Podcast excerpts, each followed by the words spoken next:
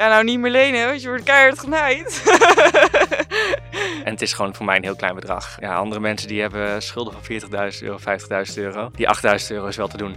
I don't have student debt because in Austria you don't have to pay anything for studying. Journalistiek. Daar heb je geen goed salaris in, maar daar kan je wel van leven. En wel gewoon je studieschuld vanaf betalen, denk ik. En anders gaan we er lekker 35 jaar over doen. Dat ik het niet financieel ga redden. En daar maak ik me dan wel zorgen om, want ik wil het liefst zo min mogelijk gaan lenen. Je hoort het bij Trajectum. Hoi, ik ben Lisa en ik heb 19.303,04 euro studieschuld na 5,5 jaar studie. En ik ben Lucas en ik heb 32.450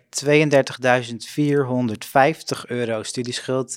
En dat is na vier jaar studeren zonder studiebeurs en zonder korting op het eerste jaar studie. Zo, valt nog mee.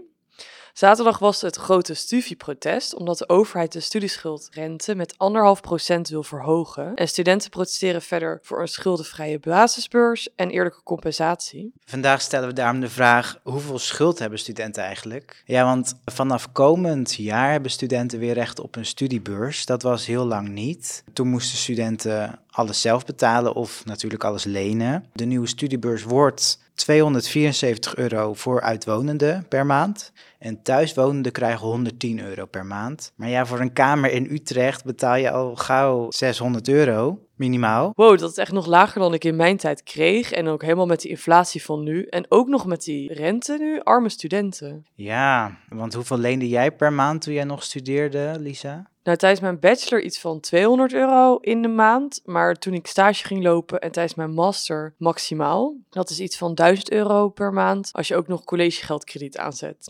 En wat is collegegeldkrediet? Ja, dat is eigenlijk bedoeld om je collegegeld van te betalen. En jij, Lucas? Hoeveel leende jij?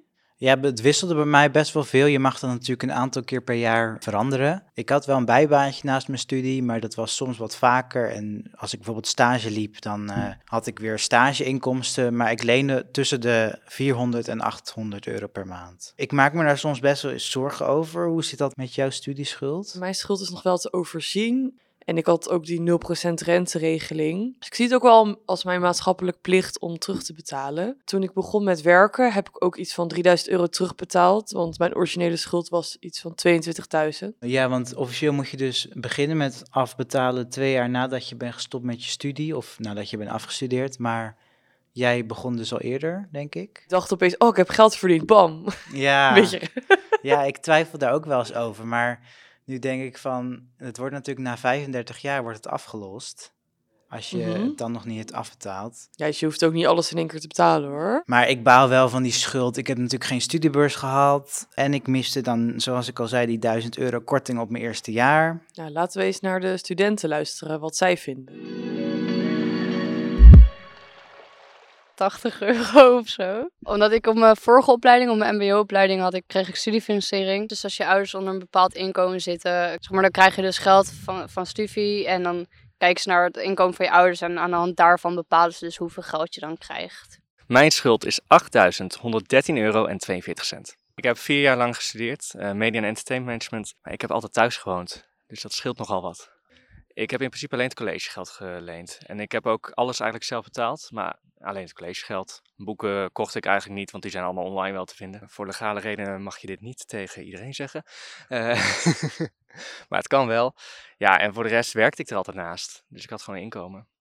I don't think it's a good thing because it's very it selects your student population. The second that you introduce student fees, it is a selection process that's Oh, is een knopje studieschuld. Oké.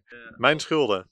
Mijn studieschuld is op dit moment 58.000 euro. 58.790 euro en 79 cent. Ik heb altijd meegekregen van mijn, van mijn ouders, heb ik altijd meegekregen, maak je er niet te veel druk om. Eh, het komt echt wel goed. Eh, ehm, je kan het echt wel eh na daadkracht dus terugbetalen. En ik, ik zou me er niet te veel zorgen om maken, maar als het kan, let dan wel een beetje op je budgetteringen waar je het aan uitgeeft. Hebben ze het gevoel dat jij dat doet? Nee. Niet altijd. Verschilt per moment. Nee, nee, ik maak me niet zorgen. Maar dat komt omdat ik nu al werk. Ik denk nu zo rond de 4 à 5.000 euro. Niet zoveel. Ja, ik zit nu nog in mijn eerste jaar, straks naar mijn tweede jaar.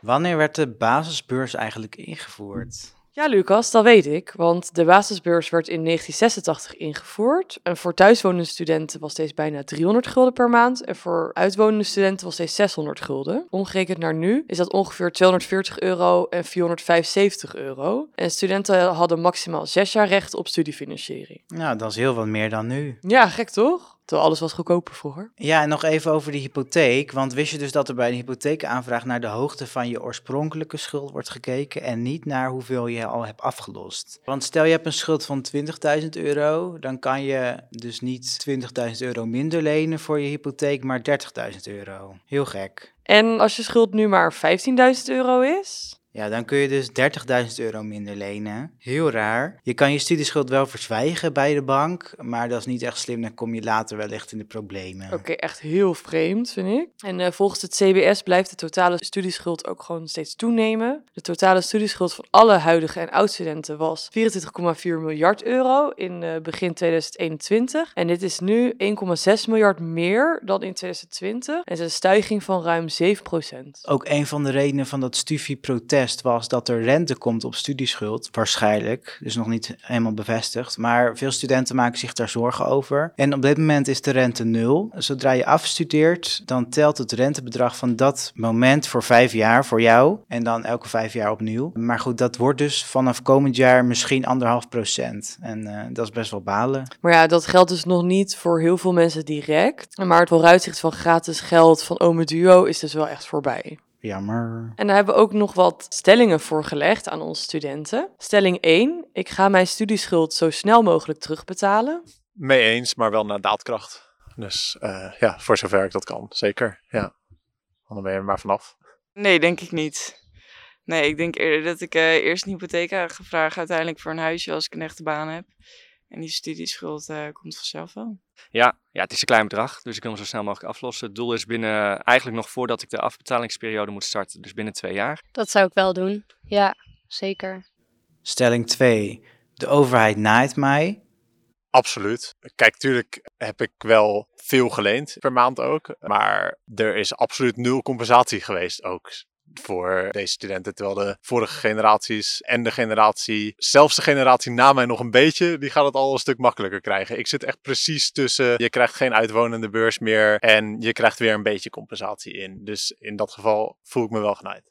Ja, daar ben ik het wel volledig mee eens. Want eerst zeiden ze dat ze eh, die studieschuld niet meenemen als je straks een hypotheek aan wil vragen. En dat eh, gebeurt nu dus wel. En straks mag je ook gewoon rente gaan betalen over je studieschuld. Dus eh, ja, zeker. Voel me echt wel genaaid, ja. Zeker, de overheid uh, naait me driedubbel, vierdubbel, weet ik hoe vaak. Ja, ik ben pechgeneratie ook. Net voor mij, uh, twee jaar voor mij, een nieuwe regeling in. Ja, nu begint ook weer net een nieuwe regeling. Ik heb geen gebruik kunnen maken bijna van alle COVID-steun die studenten hebben gekregen. Omdat ik ja, en thuiswonend was, maar ook omdat het mijn laatste jaar was. Heel leuk dat je nog twee jaar lang extra gratis OV krijgt. Maar daar heb je als student niks aan als je niet meer uh, hoeft te reizen op een gegeven moment. Dus ja, ik ben wel genaaid, vind ik. Ja, sommige opzichten wel, denk ik. Ja, zeker. Stelling 3. Van je studie kan je ook prima op vakantie, je rijbewijs halen of biertjes drinken. Absoluut, want het is een lening. Dus je moet het toch terugbetalen. Dus uh, waarom zou ik er dan nu niet van genieten? Kijk, als ik inderdaad echt alleen een uitwonende beurs zou krijgen van de overheid. En je gaat van dat beetje geld wat ze je geven, kan je ook niet op vakantie. Dus het is absoluut een, een lening. En ik denk ook, als je als student heb je ook gewoon recht op vrije tijd en ontspanning en dat soort dingen. Ja, en als jij bijvoorbeeld niet naast je studie kan werken. Ik bedoel, als ik nu een vakantie betaal, dan betaal ik dus nogmaals ook een deel van mijn eigen loon. Maar er zijn ook genoeg studenten die niet naast hun studie kunnen werken. Ik heb ook gezien hoe zwaar het is. Die mogen ook, die hebben ook recht op vakantie. Ja, vind ik wel dat je van het geld dat je zou geleend hebben, dat je daar ook mee op vakantie kan gaan. Je moet ook een beetje genieten van het leven. Dus, uh... Ja, en dat mag ook gewoon wel. Dat, uh, ik vind dat echt wel, omdat het, uh, het is een lening. Het is niet dat je het krijgt van de overheid. Als je het krijgt, vind ik het wel anders, want dan betaalt heel Nederland ermee. En nu moet je het allemaal uiteindelijk terugbetalen. Het is in principe jouw geld. Ja, dan ga je het toch lekker uitgeven aan wat jij wil. Ja, het, het zou kunnen. Ja, of het heel verstandig is, dat is de tweede vraag. Maar ja, zeker. Ja. Het is sowieso goed om te weten dat je dus niet gelijk je schuld hoeft terug te betalen als je bent afgestudeerd. Je hebt een zogenaamde aanloopfase en dan heb je de tijd om een baan te vinden. Stel je bent klaar op 1 september 2019, dan begint die aanloopfase 1 januari 2020 en eindigt het op 1 januari 2022. En vanaf dat moment moet je dus wel gaan aflossen. Je kan ook altijd tijdens je studie een aanvullende beurs aanvragen. Dus als je ouders te weinig verdienen, en het is vrij gemakkelijk. En laat je vooral niet gek maken door je studieschuld. Bedenk dat je zoveel jaar hebt om terug te betalen. Ja, absoluut, absoluut. En uh, nou ja, dat was het alweer voor deze week. Ja, bedankt voor het luisteren. Doeg! Wil je nog meer horen, lezen of zien? Ga dan naar trajectum.hu.nl of volg ons op Instagram, @trajectumutrecht. Daar vind je al het nieuws over de Uithof, studenten en docenten van de HU.